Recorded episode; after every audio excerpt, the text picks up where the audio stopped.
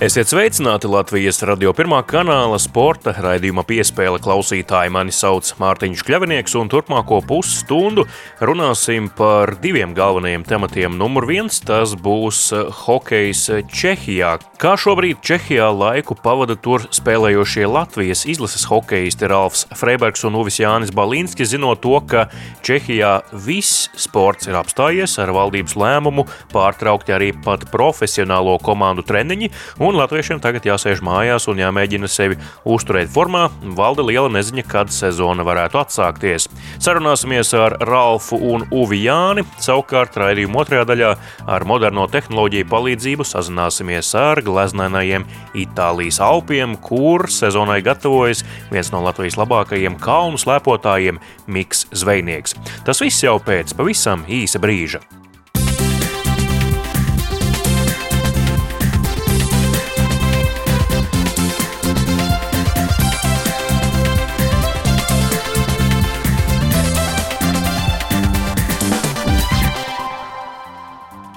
Jūs klausāties Latvijas radio pirmā kanāla sporta raidījumu piespēle studijā Mārtiņš Kļavinieks un ķeramies klāt jau iepriekš pieteiktajam Čehijas hokeja tematam. Šosezon Čehijas hokeja augstākajā līgā dažādos klubos spēlē kopumā pieci Latvijas hokeisti Guntis Galviņš, Uvis Jānis Balinskis, Ralfs Freibergs, Māris Bičevskis un Oskars Cibuļskis. Četri no viņiem ir aizsargi, un tikai Bičevskis ir uzbrucējs, un ar diviem no aizsargiem arī parunāsim. Viens būs Ralfs Freibergs, kurš pārstāv Brno kometa komandu savukārt pie pašas Vācijas robežas, mazā pilsētiņā Litvinovā, Verva komandu pārstāv Uvis Jānis Balīnskis, un viņa komandas biedrs ir arī cits latvietis Oskars Cibuļskis. Ar Uvi Jāni parunāsim pēc dažām minūtēm, bet vispirms sazināsimies ar Ralfu Freibergu Brno un noskaidrosim to, kā tad viņam šobrīd šobrīd iet. Sveiks, Ralf, un vai tu vari nedaudz pastāstīt par to, ko tu šobrīd dari Brno, jo hokeju spēlēt nedrīkst? Pašlaik atlikta sezona, bet uh, nē, kustos. Tā kā es esmu mājās, nu, un bērnu dārsts pašam, bērnam pašlaik arī atlikts ir. Precīzi mūsēs bērnu dārsts valstī vēl nē, bet nu, mūsēs bērnu dārsts atcēla. Un tad es pavadu vairāk laika ar bērnu individuāli, ļauju sievai mācīties attālināti, bet uh, laikapstākļi mums pēdējās dienās ir ļoti slikti. Bet uh, vienalga, ejam ārā Lietuvu, dzīvojamies apkārt, izklaidējamies. Kā vien varam, bet trenējos tas pats no rīta caur YouTube. Gan Hantels ir paņemts no, no halles, pēc pēdējās spēles atļauju tik prasīt, vai drīz inventāru paņemt līdzi mājām. Tas ir izdarīts. Mēģinu vingroju, domāju, Sākotnēji Čehijas čempionāta sezona tika apturēta līdz 25. oktobrim. Kā tu domā, vai ar neseno valdības lēmumu, kad tika pastiprināti dažādi ierobežojumi visā valstī, tomēr tas ir reāli atsākt oktobra beigās? Pieļauju, ka stabili līdz 3. novembrim nekas nebūs. Pat tagad mums treniņi ir aizliegti. Profesionālām komandām mēs pat hāli nevaram doties un trenēties. Bet, saprotams, Čehijā ir liela cipari inficēto vadības cīnās, lai vismaz atļautu trenēties. Un cik no produktīvas tie treniņi mājās. Daudz nesaprašanas, kā var būt tā, ka nu, oficiālā cilvēks strādā, var iet, tas mums arī ir darbs, un mēs nevaram iet uz savu darbu ne, strādāt. Šogad sākām arī salīdzinoši agri. Es jau sapratu, ka mēs pāri sākam. Jau pavasarī runāja, ka sezona jau oficiāli nolikt to 18. septembri, kad atsāksies sezona jau skeptiski skatījos to visu, kad nu, nevajadzēja tik ātri. Tā kā jūlijā mēs jau 27. jūlijā biju šeit, un mēs trenējāmies divus mēnešus. Spēles bija katru nedēļu pa divām, viss vis process notikās. Tad mēs, mēs jau pirms oficiāli pozitīvi visi saslimām, izslimo, paslimoja dažu temperatūrām. Bet, nu, Tur neviens netestējās un nu, vienkārši izslimoja nedēļu. Tagad mēs jau bijām pirms tam nedēļu izsēdējuši mājās. Un tagad pēc tam ne, nedēļu patrenējāmies, un tad oficiāli saslimām. Arī izsēdējām mājās, tad kā atsākām trenēties, un tad divas spēles nospēlējām. Un, un vispār grūti tev izmet ārā, ik pa, ik pa nedēļai ārā, un tad tev jāatdz atpakaļ iekšā. Un, un, un, un tā motivācija atrast, trenēties katru reizi mājās, tur viens samazinās, samazinās. Jā, nu pavisam nesen e, visā Brno kometa komandā bija ļoti daudz pozitīvu e, Covid-19 testu, šķiet 22, ja esam precīzi. Tu arī biji šo saslimušo vidū vai nē? Es biju negatīvs. Mūsu komandā bija kaut kādi 4-5 cilvēki, kas bija negatīvi, un es biju negatīvs. Meklēju pēc tam atbildes visam, kāpēc es tieši nebiju, vai es lasīju par D vitamīniem, ko es lietoju ikdienā, un visiem pārējiem, bet citi nebija lietojuši. Es nezinu, kā tas izpaudās, ka es nesaslimu. Un cilvēks, piemēram, viens cilvēks, kas ikdienā brauca uz komandas treniņu ar trijiem citiem mašīnā, 20 minūtes uz treniņu un atpakaļ. Viņš nesaslima, pārējie trīs saslimta. Likuma sakarības, es nezinu, kāpēc tā ir. Piemēram, man ģimenē, arī citiem ģimenē, sievas un bērni, nu, visiem viss kārtībā. Man neizpaudās nekas, un tas nebija, bija negatīvs. Neiespringstam arī hokeja, Čehijā neiespringstam par šo covid. Saprotam, ka tā visiem gadīsies nu, izslimot. Un, un, un, un, Redz, ka gadījās, un nemaz tā baigi testēšana nebija. Tā kā, piemēram, paklausos kā Helā, ka tur ik pa nedēļai jātestējas. Tad mums tā nav šeit. Visas pro komandas ir izslimojušas Čehijā. Un tieši tajā brīdī, kad visas komandas ir izslimojušas, tās antivielas izstrādājušās, varētu atsākt sezonu, bet tad mums uzliek stopkrānu no valdības. Ralf, iepriekš tu spēlēji Līnas komandā, tā tomēr tāda Čehijas čempionāta pastarīte, mazāka kalibra komanda Brno. Kometa ir viens no bagātākajiem klubiem Čehijā, droši vien arī prasības daudz augstākas. Kā tu esi iejuties šajā jaunajā kolektīvā un sapratis, ko no tevis gaida? Zinot, nākot jau šo komandu, es jau izvērtēju iemeslu, kāpēc es vēlētos šajā komandā spēlēt. Un, jā, un sezonas sākums aizgāja ar punktiem salīdzinot iepriekšējo komandu, tad man ir šajā sezonā daudz vairāk iespējas tos punktus pavākt. Un cerams, ka uh, tie punkti arī nāks turpmāk. Nu, nezinu, kā tas tā sezona izvērtīsies. Un, vai atsāks sezonu, vai neatsāks sezonu vispārīgi, vai atcels. Un, un, un, un, daudz nezinām ir. Es eju pirmajā vairākumā, jā, un tas ir vairākums. Tas ir, uh, kad runāju ar men, īpašnieku, menedžeri un galveno treneru vienā lomā, cilvēks mums ir komandā tāds. Tad jā, viņš man parakstīja, lai spēlētu tajā vairākumā, kur viņiem ir tā pirmā vienība, un tur salasīt speciāli spēlētāji. Tai. Pagaidām viss iet labi, un pagaidām punkti nāk. Arī es pirmssezonas spēlēs arī viss veiksmīgi aizgāja ar viņiem kopā. Cerams, ka uh, sūdzes nesastrādāšu un man neizņems ārā. Uz katru spēli jāpierāda, lai tu tur esi tajā vietā. Te ir lielāka konkurence nekā iepriekš. Bijis citās komandās, tā kā jāpierāda ik, ik uz brīdi nevar atslābt. Nu, spiediens te ir lielāks. Viennozīmīgi var pateikt, ir uh, pat draudzības spēlēs, kur mums sākumā nesanāca vinnēt. Tad, uh, jā, stāja gāja dusmīgs apkārt un kaut ko mainīja, piepirkt spēlētājs klāt. Ir riskanti tagad kaut ko pirkt, mainīt, jo tu nezini, kā tā ekonomika pavirzīsies un tās naudas, cik ir, tiek sponsori var iedot. Tik var ļoti spēcīgi ietekmēt tas Covid, un daudz kas tiek apturēts un, un, un aizliegts. Kā Ralfs Freibergs pavada savu brīvo laiku kopā ar ģimeni Čehijā? Nu, Čehijā tomēr ir ko um, darīt brīvajā laikā, daba skaista un, un ne tikai. Kā jūs kopā pavadāt laiku, kad uh, tu nevari spēlēt hokeju? Kad iestājās lielie ierobežojumi, mēs katru brīvo brīdi braukājām visapkārt. Čehiem paveicies tas, ka viņiem īsti karš nav gājis pāri, kā piemēram Latvijai, kur uh, iznīcināja daudz skaistas pilsētas vai bija vai nodezināts, kā piemēram Jālgava. Bet Čehijā viss ir saglabājies. Ir apbraukātas tādas pilsētas, kuras pat Čehi nav apbraukātas. Mēs te esam mālas izbraukājuši. Ieraugam internetā, tur mēs izbraukājam un, un, un, un ieraugam un apskatām kaut vai Brno ir pilis. Viņa tā pilsēta kalna augšā ir uh, apskatīta, jau mēs trīsreiz esam bijuši jau Tā kā uz vietas nesēžam, un, un, un skaista pilsēta, Brno, skaista valsts, vispār Čehija un, un, un Austrija netālu, kur mēs esam bijuši Vīni un apkārt Vīnai.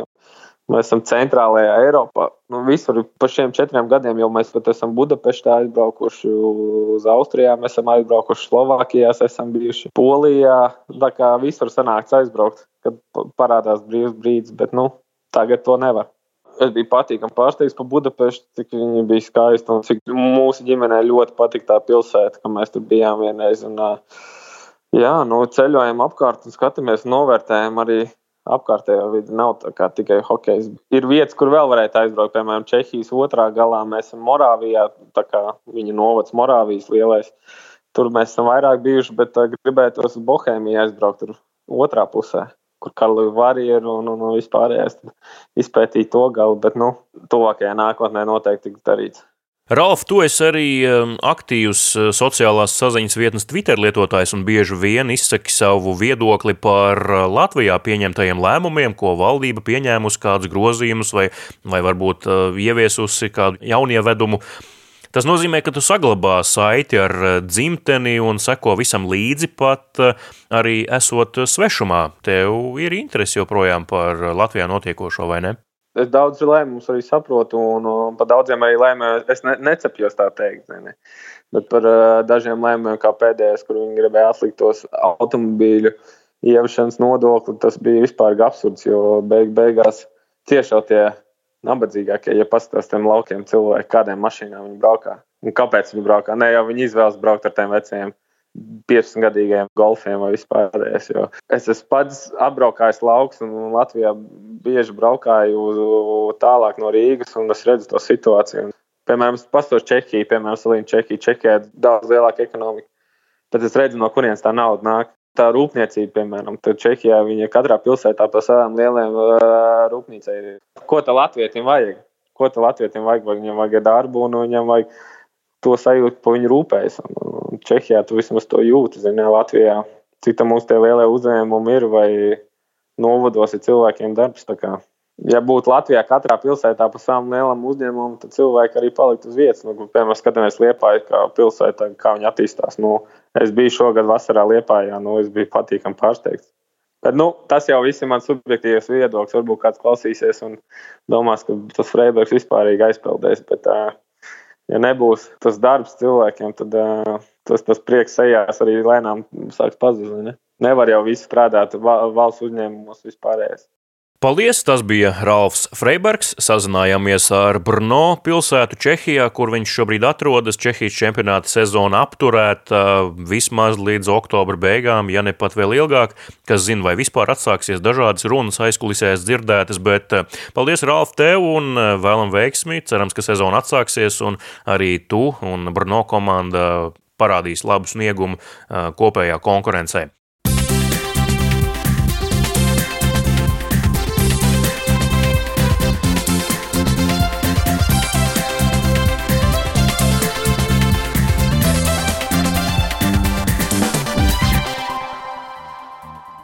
Jūs joprojām klausāties Latvijas radio pirmā kanāla sporta raidījumu piespēle studijā Mārtiņš Kļavnieks un eh, no vienas Čehijas pilsētas, proti Brno, pārceļamies uz pavisam otru Čehijas eh, pusi, proti Litvīnos pilsēta pie pašas Vācijas robežas. Verva komanda, viena no bagātākajām, bet vismaz pēc dažām nospēlētajām spēlēm jaunajā sezonā atkal jau pēdējā vietā Čehijas līgā, un šo komandu pārstāv divi Latvijas izlases aizsargi Oskars Cibuļskis un Uvis Jānis Balinskis. Un eh, raidījuma turpinājumā saruna ar Uvi Balinski, kurš eh, izbauda savu eh, pirmo pieredzi leģionāra statusā kā profesionālis. Iepriekš viņš jauniešu vecumā bija Vācijā, bet tagad kā profesionālis nonācis Čehijā.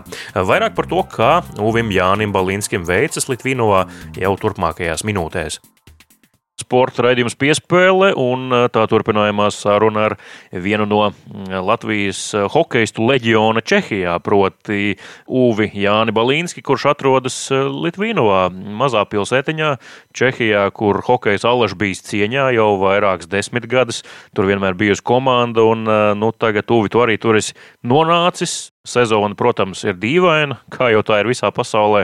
Ko tu vispār vari pateikt šobrīd par vietu, kur tu atrodies? Nu, kas tā ir par, par pilsētu pie pašas Vācijas robežas, kā karte rāda? 23,000 iedzīvotāji, kā Wikipēdija saka, bet uh, ko tu tur uz vietas redzi, kas tur ir? Pilsēta ir, kā tu teici, uh, maza un uh, jā, te tiešām ir hokejs ar tām tradīcijām, bet, diemžēl, dēļ koronas nav iespējams izbaudīt to to hokeju ar tiem faniem, jo, cik es dzirdēju, tie ir lieliski fani. Veikali ir, viss ir, jā, bet, ja grib varbūt kaut ko vairāk padarīt, tad ir jāizbrauc uz kādu blakus pilsētu vai kaut kur, jo tikai veikali un bankas pasta, viss, ko vajag, un tas arī viss cik es jau biju iepriekš dzirdējis, bet tagad arī nedaudz papētīju, tad tā ir tāda, nu, lai gan maza, bet uh, liela uh, rūpniecības pilsēta. Uh, jo, nu, es saprotu, kaut kāds raktuves tur ir arī naftas pārstrādes, viena no lielākajām rūpnīcām. Tā, tā laikam ir. Ja? Jā, te ir. Jā. Te, te vispār, laikam, visur apkārt vis kaut kas tāds ir. Jā, bet mums pie pilsētas tepat tūmā ir ļoti liela, ļoti liela tā vieta. Tā ir tajā. Tā tāda mazā Magnitogorska Čehijā. Jā, vispār, jā, vispār tā, tā laikam arī sanāk. Jā. Šī ir tava pirmā leģionāra pieredze profesionālajā hokeja.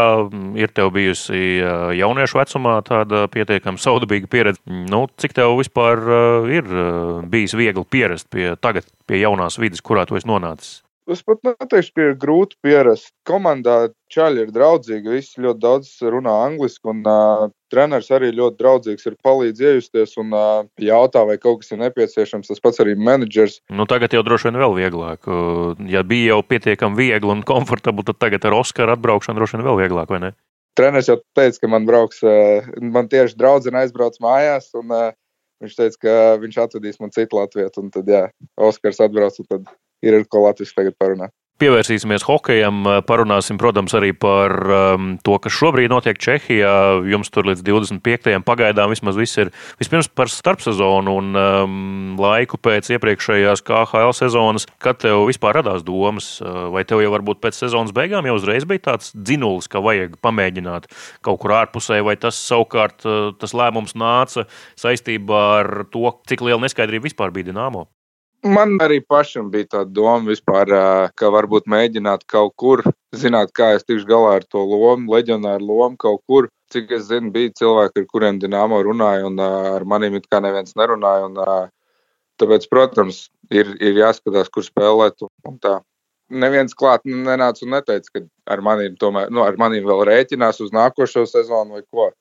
Varbūt, ja nebūtu viss šis stāvoklis ar to koronu, varbūt situācija būtu daudz savādāka un varbūt būtu daudz savādāk varianti. Jo daudzās valstīs ir komandas, kas nemaz baigi neskatās uz leģionāriem, mazāk naudas. Uh, es domāju, ja nebūtu varbūt tā koronas stāvoklis, varbūt, varbūt viss būtu bijis savādāk. Es tiešām nevaru to iedomāties par naudu ieminējies, cik tā tavā maciņā ieripo skaitļus nesauc, bet uh, tas ir līdzvērtīgi tam, kas bija Dienāmo. Varbūt tu pat esi tagad uh, labāk apmaksāts nekā tu biji Dienāmo rindās. ir, ir, ir labāk bišķiņā kad pagājušās sezonas vidū runāju ar uh, Neriju Ališausku. Viņš teica, ka viņam tur NHL sistēmas skauti esot braukuši uz Rīgu un skatījušies uz viņu, kā viņš spēlē un piedāvājuši varbūt uh, arī braukt uz AHL pamēģināt. Tev tādas domas, nu skaidrs, pandēmija ietekmē visu un, un pagaidām vispār nav zināms, kad AHL sezona sāksies, bet nu, pagājušās sezonas izskaņā tev nebija doma varbūt drusciņi pastīties arī uz to aizokeānu virzienu. Protams, ka tā doma bija. Tā bija vispār mana pirmā doma par visu. Un tā tas bija mans tas mērķis, bet korona visu pamainīja. Un, uh, es esmu nonācis tur, kur man laikam ir jābūt. Nobriedīšu, varbūt šeit bišķiņu, un tad, uh, tad būs varbūt labāk tur. Tad jau redzēs, kā viss sanāk. Protams, katru, katru sezonu es mācos un mēģinu kļūt labāks, pilnveidot savu spēli. Čehijas līga, nu, tu aizbrauc uz Litvīnu, tevi uh, sagaida komandas pārstāvji, atved uz to vietu, kur tu pavadīsi šo sezonu. Uh, nu, kāda bija tava pirmā iespēja par to, kas viņiem vispār tur kā komandai pieder? Infrastruktūra, halle, treniņu iespējas, atjaunošanās, kādā līmenī tas ir? Dzīvošana man viss apmierina, iedevu svaigi, pilnīgi izremontēt dzīvokli, ar to problēmas nav. Kalva varbūt viņiem ir nedaudz pavecāka, Mums ir divas zāles, kur mēs varam iet. Viena ir trenižera zāle, kur ir viss svari, kur ir viss nepieciešamais. Augšā ir vienkārši zāle, kur arī ir svari kaut kāda, visu kaut ko var darīt. Tur var uzdevums un uh, pilnīgi jauns spā atjaunots un uh, ir tur pirts, vans, viss, viss, ko vajag, lai atjaunotos un uh, var visu izdarīt, ko vajag. Pirms sezonā mums bija tā turnīrā, ja nemaldos, Mēs nospēlējām astoņas spēles, ja nemaldos, un tagad sezonā ir bijušas trīs spēles mums. Jā. Bet tāpat viss tas posms tāds saraustīts, jo mums bija viena karantīna, tagad bija atkal otra karantīna. Un... Nu, tik, uh mazs spēļu skaits uh, ir pietiekams, lai tu spriestu par to, kāds ir tas kopējais Čehijas līnijas līmenis. Es varu pateikt, to, ka hokejs šeit nav slikts un uh, cilvēki šeit māca hokeju spēlēt, un uh, nav viegli atbraucot šeit spēlēt hokeju. Visur ir uh, mazie laukumi, un uh, ir jādomā ātri, un ir, uh, teikšu, ļoti ātrs hokejs. Ir vajadzīgs laiciņš, lai tu adaptētos tam, un uh, es teikšu, ka nav bijušas vieglas šīs pirmās spēles man, un uh, paliek ar vien labāk, sāk iejusties. Un, uh, ir labi spēlētāji šeit un uh, labas komandas. Nu, ko Uzs Balīnskis dara tādā izolācijas laikā, ar ko tu nodarbojies? Uzspēlēju plēsīt, kaut ko tādu, paskatos televizoru. Un, uh, un jā, tas atkarīgs no tā, vai tu esi pozitīvs vai negatīvs. Jo, cik es zinu, tu tur laikam īsti beigts trenēties nevar, ja tu esi pozitīvs tam Covid-19. Cik reizes tev tā brīnišķīgā procedūra ir taisīta pēdiņās brīnišķīgā Covid tests? Trīs. Un atbildes visos trijos testos tavā gadījumā negatīvas? Vienā bija pozitīvs, bet nesaku nevienam. Man bija neliels kleps, divas dienas, un tas arī viss. Un, uh, citiem bija ļoti traki, nu, tur temperatūras un viss šī dieta, bet man vispār nekā. Divas dienas kleps, un tas arī viss. Nā, uz vienu vakaru, jā, man pazuda garš, bet tas arī viss. Visu kaut ko te mēģināju konšķēst, visu kaut ko, kas man bija, bet nekas, neko nejūt. Bet nākošajā dienā viss bija kārtībā. Tas uz kaut kādām pāris stundām laikam tikai notika. Jā, nu tāda lūk saruna ar uh, Latvijas izlases, hokeja izlases aizsargu Uvi Jāni Balinski. Uvi, vēl pēdējais jautājums. Uh, man pašam ir gan uh, radinieki, brālis, brālēni, kuriem ir divi vārdi. Man meitai ir divi vārdi arī, jo mēs ar uh, sievu nevarējām vienoties par vienu. Kāds ir tavs stāsts? Kāpēc tu esi Uvis Jānis? Ai, es esmu pilnīgi piemirsis šo stāstu, bet kaut kas tur ir saistīts ar manu omu, un tā arī viss tur ir sanācis, ka man ir divi vārdi. Jā, man pat citreiz šeit nosauc par Jānu kāds, un, uh, bet ir cilvēki, kas, kas man tā sauc, un uh, varbūt hokejā netik daudz, bet jā, ir, ir cilvēki, kas man tā nosauc tomēr. Man vienalga, man liekas tieši patīkami, ja zinu, mans abas vārdas var abas nosaukt, tā kā ir for. Nu tad uh, novēlam, lai uh, būtu arī svētki tādi, ka drīzumā atgriežaties arī pie čempionāta izspēles un var arī, var arī Čehijas līgā turpināt spēlēt. Un cerams, ka arī vīruss nedaudz mitēsies un, un ļaus jums to darīt. Paldies, Ulu, ka atsaucies sarunai ar Latvijas radio sporta raidījumu piespēli un lai veicās Čehijā, lai tīrs gaiss Litvinovā un lai viss, viss izdodas. Jā, paldies jums!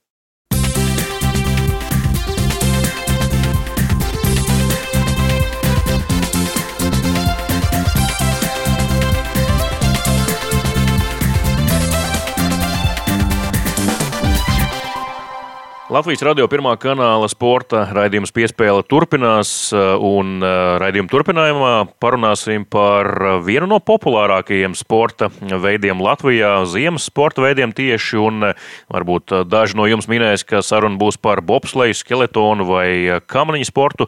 Protams, visaugstākajā tādu augstu sasniegumu sporta līmenī šie ir panākumiem bagātākie sporta veidi, bet ja mēs runājam par masveidību un par to, cik cilvēku ikdienā kuri nav profesionāli nodarbojas ar konkrētu ziemas sporta veidu, tad es domāju, ka kalnu slēpošana pavisam noteikti nu, apsteidz vairumu no ziemas eh, sporta veidiem un ziemas aktivitātēm. Par kalnu slēpošanu arī parunāsim, un parunāsim arī par eh, visaugstākā līmeņa kalnu slēpošanu ar vienu no eh, Latvijas labākajiem kalnu slēpotājiem, Miku Zvejnieku. Saki tā, kur tu šobrīd atrodies? Pastāst radio klausītājiem, jo mēs ar tevi esam sazinājušies ar moderno tehnoloģiju palīdzību un um, attālums pietiekami liels starp mums, gan uh, tādā plaknē ņemot uh, taisnā līnijā, horizontālā, gan arī vertikālā kāpumā, acīm redzot, jo tu esi krietni virs jūras līmeņa, pieņemu šobrīd. Jā, es esmu, neraugoties uz visiem vīrusiem, kas plosās mums. Uh, kā katru gadu ar, ar starptautisko komandu, kuras sastāvēs esmu, mēs atrodamies patreiz Itālijā, Dienvidtirolas reģionā, kur tā valsts ir Nales. Jā, tas tā bāzes vieta ir aptuveni mazliet virs 2000 metri, un uh, slēpojamies apmēram 3 km augstumā. Tā kā šeit es esmu ieradies, lai kārtīgi gatavotos sezonai, un vesels trīs nedēļas mums nometne, kā, kā jau tagad ir pusē, Jā, mēs teiksim, tā, darām to kvantitatīvo un tā skaitā kvalitatīvo darbu, lai sagatavotos kalnu slēpošanas sezonai. Sezonas apmērs, posmu skaits, vispār kopējā geogrāfija, tā ir līdzīga kā pagājušā sezonā? Nu, teiksim tā, ka aizvadītajā sezonā es ļoti labi nostiprināju pats, ja, ja es tieši par sevi runāju, tad, tad tieši tehnisko pusi teiksim, tā, savu tehniku un tā skaitā ātrumu slēpēm un rezultātus es ļoti labi nostabilizēju. Līdz ar to man ir iespēja teiksim, tā, pavadīt šo sezonu pie ideāliem apstākļiem, vairāk vai mazāk Eiropas kausa apritē. Pasaules kausā mazliet atšķirība ir tā, ka sportistam ir jābūt pasaules rangā vai nu top 150. Es šobrīd es esmu 179. listē, patreiz esošajā. Līdz ar to, jā, mazliet iespējams, man, jā, mazliet pietrūkst, bet uh, Eiropas kausa posmos uh, var startēt Latvijai ir divas vietas. Līdz ar to es noteikti, ka to apritē arī apgrozīšos. Vienīgi mums tās sezonas, teiksim, tā Eiropas kausa posms sākās tikai decembra otrajā pusē, kas ir 16. un 17. decembris, ja nemaldos, kas ir nosacīti vēlu, bet no otras puses ir pietiekoši daudz laiks, lai sagatavotos. Un pēc tam jau tā sezona aiziet diezgan aktīvi pie normāliem nosacījumiem. Tā kā skatīsimies. Bet tas man personīgi, protams, nu, es tā mēģinu mierīgi tam pieiet, es saprotu, ka tas pasaulē noteikti tā kā notiek, un uh, es tiešām domāju, ka vienkārši jābūt tādam mierīgam prātam un, un jāspēj ar vieglu prātu uztvert uh, kaut kādas izmaiņas vai kaut kādu notikumu. Nu, protams, ka jā, ar saprātu arī pašam darboties un, un darīt visu. Eiropas kausa, nu labi, nu, definēsim to kā nosacītu to otro ešalonu, otro līmeni, lai gan neesat ne ar ko sliktāk, vienība varbūt dažkārt ar rezultātiem par pasaules kausu, bet tomēr šajā līmenī, kā tu varbūt domā, vai Vai būs tādi tavi sāncenši, kuriem pat kaut kādu šī brīža pasaules kārtības iemeslu dēļ nebūs bijusi iespēja pavadīt kādas dažas nedēļas un paslēpot īstā sniegā? Varbūt daži būs gatavojušies tikai kaut kādās mākslīgās hallēs, tuvu savām mājām. Jā, ļoti precīzi. Ļoti precīzi. Mums ir viens komandas biedrs no Japānas, kurš tikai vakardien ieradās uz nometni, jo viņš visu vasaru nebija spējīgs fiziski atbraukt tik līdz Eiropai no Japānas. Līdz ar to, jā, tieši tā, tāda būs, tādas būs situācijas. Pieņemsim, ja Eiropā notiek Eiropas kausa posms, tā kā no kontinentālo kausa puses, tad Amerikā tajā pašā laikā parasti katru sezonu notiek Ziemeļamerikas kausa, un Āzijā savukārt notiek tā tālu austrumu kausa, kuras pats pagājušajā gadā piedalījos. Līdz ar to es, es saprotu, ka Amerikā pilnīgi noteikti tie posmi ir atcelti, un amerikāņiem ir ļoti liela ierobežojuma ceļošanai, un iespējams, ka daudzi amerikāņi nemaz netiks līdz Eiropai. No Āzijas puses arī ir jautājums, cik daudz labākie sportisti, no Āzijas vai jā, no citiem, iespējams, pat tālākiem, vai no Austrālijas, pieņemsim, vai viņi tiks uz Eiropu. Jo tas Eiropas kauss tiešām ir uzreiz pēc līmeņa, uzreiz aiz pasaules kausa posmiem. Tas, tas varētu būt zināms izmaiņas, un uh, iespējams jau, ka jā, tas man ir pat varbūt priekšrocīgi. Bet no otras puses, skaidrs ir tas, ka ņemot vērā, ka nebūs iespēja ceļot apkārt pasauli, paši eiropieši visticamāk uz Eiropas kaustiem sūtīs pašus labākos savus sportistus. Ja citreiz tas tā kā plūst un mainās, tad iespējams, ka tagad katras sacensības Eiropā būs ļoti, ļoti augsts līmeņi. Nu, viņas vienmēr ir augsts līmeņi Eiropas kaustiem vispār nerunājot, bet arī par zemāku FIS kategorijas sacensībām. Pat tās būs ļoti piepildītas, visu laiku noteikti būs labākie sportisti tur, jo tīri fiziski nebūs jau kur tik daudz, kur izbraukāt. Neviens vēl nezina, cik tās sacensības būs. Iespējams, ka viņus tur būs rokas pirkstiem skaitāms mēneša laikā, un, un visi būs ļoti cietīgi izplānojuši viņām doties. Normālos apstākļos, bez covid apstākļos, parasti ir ļoti, ļoti liels tas sacensības skaits, un līdz ar to ir ļoti liels iespējas sportistiem kā, teiksim, izkaisīties. Īstas sacensības būs ļoti, ļoti spēcīgs no cilvēka, no sportista un arī no tās kvantitātes ziņā. Kas, protams, mūsu gadījumā, mums kā kauns lēpotājiem, mums ņemot vērā pēc FIS kategorijas punktiem, mēs sacensībās iegūstam numurus, teiksim tā, starta secību. Un tas atkal mums ir atšķirīgs. Piemēram, Eiropas kausā es parasti ar saviem esošajiem FIS ranga punktiem startēju apmēram 60. līdz 70. Ap, ar šiem, kas, kas man patreiz ir punktiem. Līdz ar to jautājums ir, vai varbūt vēl kādas kvotas aizpildīs, nezinu, tie paši itāļi, austrieši, un iespējams, mēs pabīdamies mazliet tālāk. Nu, tur tas jautājums ir, ka viss tagad bāzēsies Eiropā, un līdz ar to Eiropa būs ļoti, ļoti aizpildīta. Bet, nu, redzēsim. Nu, jā, tiešām redzēsim. Un, un skaidrs, ka tiešām ir ļoti labi iespēja jau mūsdienās trenēties iekštelpās, kā pats teici, tai pašā Lietuvā, Druskininkā, Hallē, ļoti Nīderlandē, Angli, nu visur, kur viņas ir. Tā, Vācijā un visur pilns ar viņām. Un, protams, ka daudz cilvēku pavada tur laiku, jo tais, bet pieņemsim tajā pašā Snovarēnā, kas ir Druskininkos Lietuvā, arī viņi tika uz vienu brīdi neviens jau Latvijas tur nebrauc. Ja jau jāsēž desmit dienas pēc tam pašas lācēt, nu, laikam negribās pāris dienas patrenēties un pēc tam sēdēt. Tā kā atkal, es domāju, ka tur būs baigā stratēģija. Nu, arī man pašam visticamāk būs jādomā, kad braukt mājās, kad nebraukt mājās. Nu, kaut gan šodien izskatās diezgan labi tā situācija. Nu, sliktā nozīmē, kā, bet man varbūt pozitīvi, jo Itālija iespējams, ka, ka pat tajos rādītājos apsteigs Latviju, un līdz ar to man teorētiski nemaz pat pašizolācijā nav jāsēž. Tā kā tur ir zināmas, tur, nu, nu kādas manipulācijas iespējas, bet nu, tur, tur tāda stratēģija jau jāsāk domāt, kurā brīdī braukt vai caur kurien nebraukt, vai kā tur izskatās. Nu, tur ir baigi interesanti būt. Miks Zvejnieks eh, bija Latvijas radio pirmā kanāla sporta raidījuma piespēlē sarunbiedrs. Šajā raidījuma segmentā runājām par kalnu slēpošanu un uh, arī par eh, citiem tematiem, bet, protams, to visu caurvīja kalnu slēpošana, jo Miks pārstāv tieši šo sporta veidu, ir viens no labākajiem Latvijā un arī gatavojas Eiropas kausa sezonai uh, internacionāli. Paldies, Mik, ka parunājies ar sporta raidījumu piespēlē, un tagad laidīsim droši vien tev atpakaļ slēpot un trenēties. Jā, paldies, liels paldies, liels par sarunu.